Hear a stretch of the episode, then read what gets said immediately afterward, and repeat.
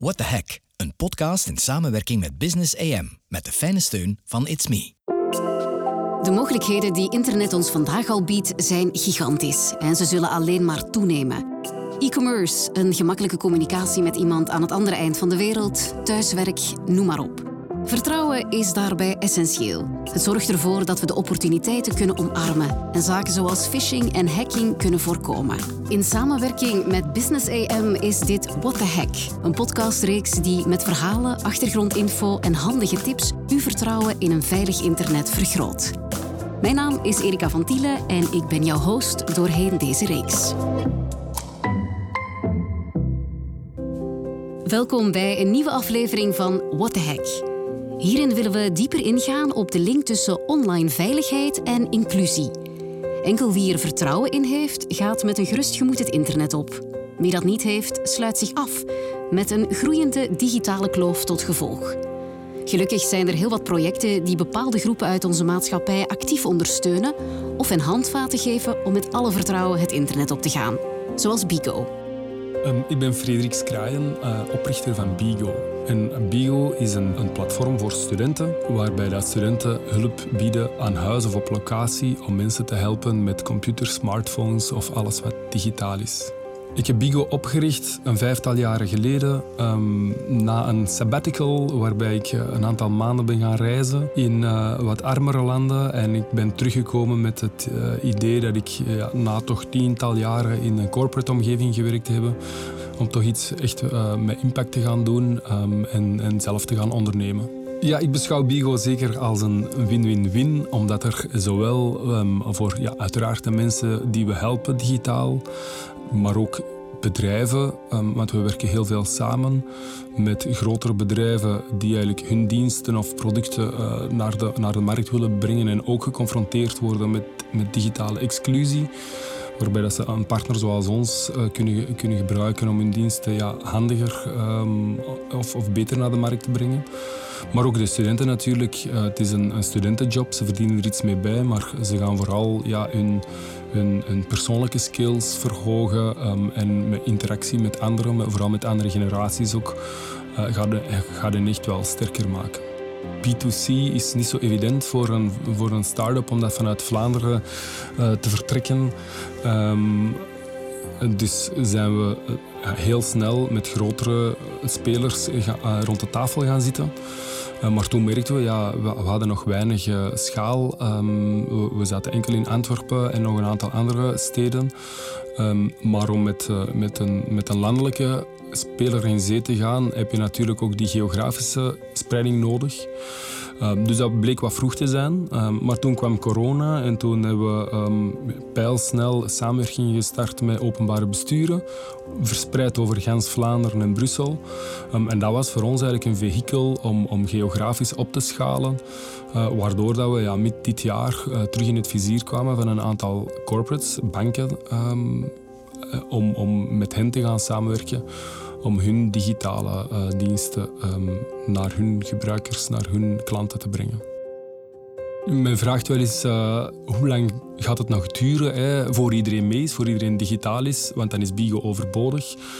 Um, maar uh, ik denk dat dat nog heel lang gaat duren, omdat de snelheid waarmee technologie evolueert um, uh, omgekeerd evenredig is aan het aanpassingsvermogen van de mens. Zeker naarmate je ouder wordt, heb je er alsmaar minder zin uh, voor om je aan te passen. Uh, dus de, de inhaalbeweging zal vooral vanuit de technologie moeten komen, die meer menselijk wordt, in plaats van mensen die zich aanpassen aan technologie. Er worden heel wat stappen gezet um, in user-centric design of artificiële intelligentie. Um, maar zolang uh, die intelligentie artificieel aanvoelt, uh, zal dat minder goed werken. Dus daar is uh, nog zeker een inhaalbeweging vanuit de, vanuit de technologische sector of vanuit de overheden um, te maken. maar daar wordt volop aan gewerkt. Prachtig en warm initiatief en zeker niet het enige. Het geeft aan dat heel wat mensen zich inzetten om ieder van ons te empoweren, om voldoende onderlegd met digitale en online tools om te gaan. Maar misschien kan u als bedrijfsleider of medewerker in een onderneming ook wel een steentje bijdragen. Om ons de nodige inspiratie te geven, nodigden we Sylvie van de Velde in de studio uit. Zij is Chief Marketing Officer van It's Me, dat er alles aan doet om het vertrouwen in het digitale te vergroten. Welkom Sylvie. Hallo.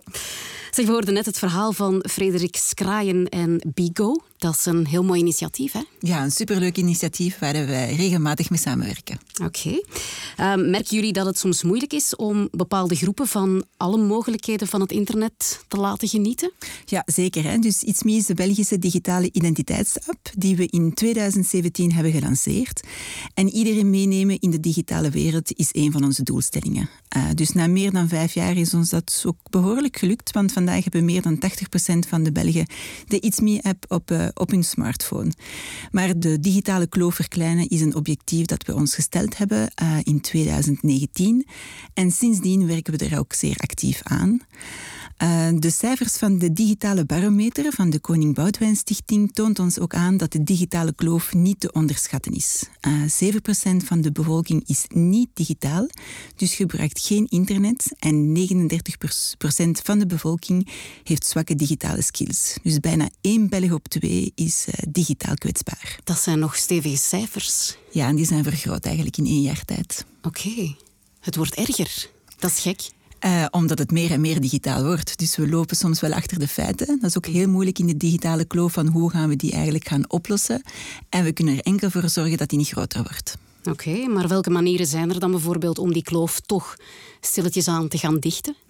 Oh, ik denk dat er veel manieren zijn, natuurlijk op verschillende punten. Het kan al starten eigenlijk op school. Uh, ik denk lessen hebben in de klas rond mediawijsheid van hoe digitaal omgaan met je veiligheid, maar ook digitale administratie. Mm -hmm. Ik denk dat het op school start, maar nadien is het een constant leerproces. Uh, dus uh, van vrienden leren of lessen gaan volgen of YouTube-filmpjes gaan kijken om zo bij te leren, ja. is een mogelijkheid. En anders zijn ook heel veel digipunten in België waar je altijd voor uh, hulp kan gaan vragen. En daar heb je mensen die je de juiste tips meegeven en ook een handje helpen. Ja, ik hoor jou toch nog wel zeggen hulp gaan vragen of zelf een aantal zaken uitzoeken. Dan verwacht je toch nog heel veel van de mensen zelf. Ja, meestal moeten ze weten waar ze hulp kunnen vragen ook. Hè. Uh, dus dat hebben we ook vaak gehoord in focusgroepen. Uh, ja. Degenen die al digitaal mee zijn, weten automatisch waar ze hulp gaan kunnen zoeken. Ja. Uh, dus dat is een eerste stap.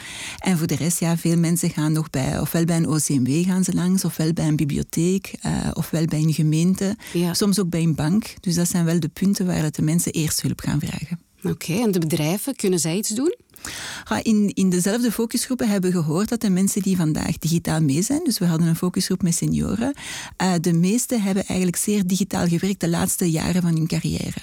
Uh, dus nu is er eigenlijk ook een nieuwe trend, als ik het zo mag noemen, uh, in de digitale inclusie, is dat er digitale lessen wordt gegeven binnen bedrijven voor diegenen die niet specifiek digitaal bezig zijn. Mm -hmm. kan bijvoorbeeld aan een kassa werken en daarom niet e-mails gaan moeten uitsturen, maar dan krijg je wel opleiding binnen het bedrijf om, om het digitale skills te gaan vergroten. Ja. En we weten dat eens dat ze daar mee zijn, nadien, als ze stoppen met werken, zijn ze ook uh, zeer digitaal vloeiend, als ik het zo mag zeggen. Oké, okay, super. Um, wordt er ook getest door bedrijven? Worden er bijvoorbeeld phishing-tests gedaan om te zien of het personeel al dan niet meegaat in dat soort zaken? Ja, wij doen dat wel bij iets mee. Dat hebben wij regelmatig, maar er zijn heel veel bedrijven die dat ook doen. Hè. Uh, om, uh, om effectief in het dagelijks leven altijd zeer alert te zijn. Als ik mm -hmm. een phishing-mail binnenkrijg, of ook een, een beetje een loesje-mail binnenkrijg, ja. Wat moet ik daarmee doen? Wat zijn dan de processen intern? Moet ik die naar een specifieke collega doorsturen?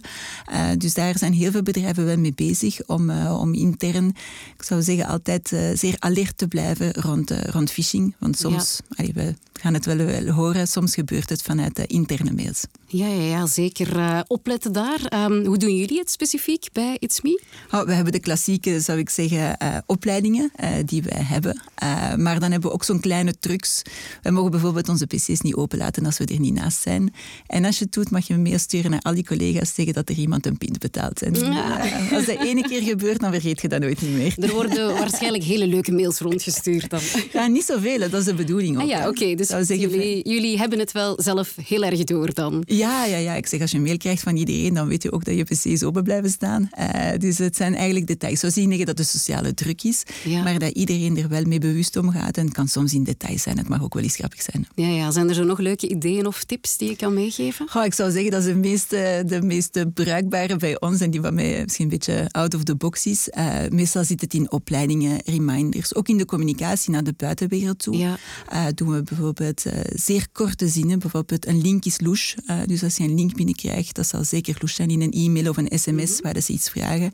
Dus we proberen in de communicatie ook altijd zeer duidelijk te zijn, zo breed mogelijk of zo inclusief mogelijk, mm -hmm. met korte zinnen en slagzinnen die je snel kan onthouden. Ja, en waakzaam blijven ja, vooral. zeker. Uh, welke rol willen jullie in de maatschappij opnemen op dit vlak? En nu bekijk ik het weer allemaal net iets breder. Wat wil uh, It's Me nog allemaal gaan doen?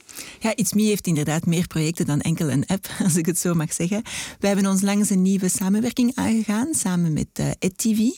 dus we hebben nu al twee lessenpakketten gemaakt voor, voor scholen in het middenbaar, zodanig dat 16, 17-jarigen hun mediawijsheid kunnen verhogen, maar ook morgen digital buddy worden, misschien bij Bigo. Oké, okay, leuk. Dus dat is een eerste project. Um, een ander is dat we ook aan het kijken zijn om uh, securitylessen uh, en opleidingen te, te, te, te doen in, uh, in scholen. Dus de toekomstige IT'ers. Security is daar meestal een groot onderdeel van. Dus wij gaan ook samenwerken met scholen om de juiste trainings te kunnen geven. Okay. Uh, en dan natuurlijk in, uh, in, in de wereld van opleiding er meer en meer vrouwen te hebben. dus we doen ook sommige projecten rond Girls in ICT. wij ondersteunen die ook om te zeggen dat zelfs bij It's Me dat er eigenlijk veel vrouwen aan het werk zijn. Is waar? meer dan mannen? nee, nog niet meer dan Toch nog niet. maar jij bent wel een mooie rolmodel. maar we hebben er wel veel meer dan, dan gemiddelde, zou ik zeggen. Dus bij It's Me zijn we nogal een vrouwelijk team tegenover andere bedrijven. Maar gewoon om aan te tonen dat het ook kan. en sommige rolmodellen zijn wel nodig, denk ik, uh, in onze maatschappij. Absoluut, en zeker op uh, dit vlak. Um, ik hoorde ook dat jullie uh, willen inzetten op meer betrokkenheid van jongeren bij de verkiezingen. Dat is al iets zeer stevigs. Vertel daar eens wat meer over. Ja, niet enkel jongeren, eigenlijk onze maatschappij in het algemeen. Uh, we hebben eigenlijk een studie vorig jaar gedaan. Het eerste deel was rond electoraal absenteïsme. Uh, om vooral te begrijpen waarom dat mensen niet gaan stemmen. Uh, dus we hebben dat samen gedaan met de ULB en de VUB. Ze hebben een hele analyse gedaan van waarom de mensen niet gaan stemmen en wat we zouden kunnen doen dat ze wel terug gaan stemmen ja. of meer gaan stemmen. Okay. we hebben er ook gekeken wat iets mee zou kunnen doen binnen, dat, binnen het geheel.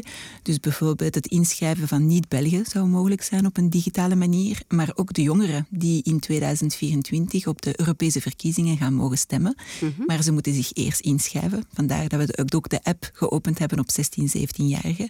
Okay. En dit jaar gaan we de studie, uh, volgend jaar komt de studie uit rond uh, participatie. Uh, dus effectief op lokaal vlak, gemeentelijk vlak.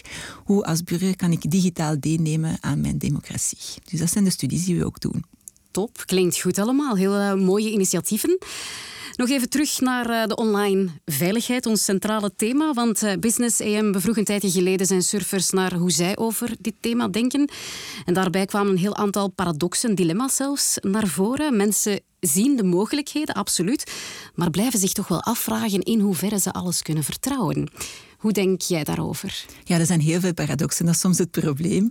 Uh, veel mensen willen juist die informatie uh, hebben online, maar wanneer dat je informatie moet krijgen, moet je meestal gaan inloggen en een account aanmaken. En sommige mensen maken dan een fake account aan. Dus ja. uh, ik denk dat er veel fake accounts staan online.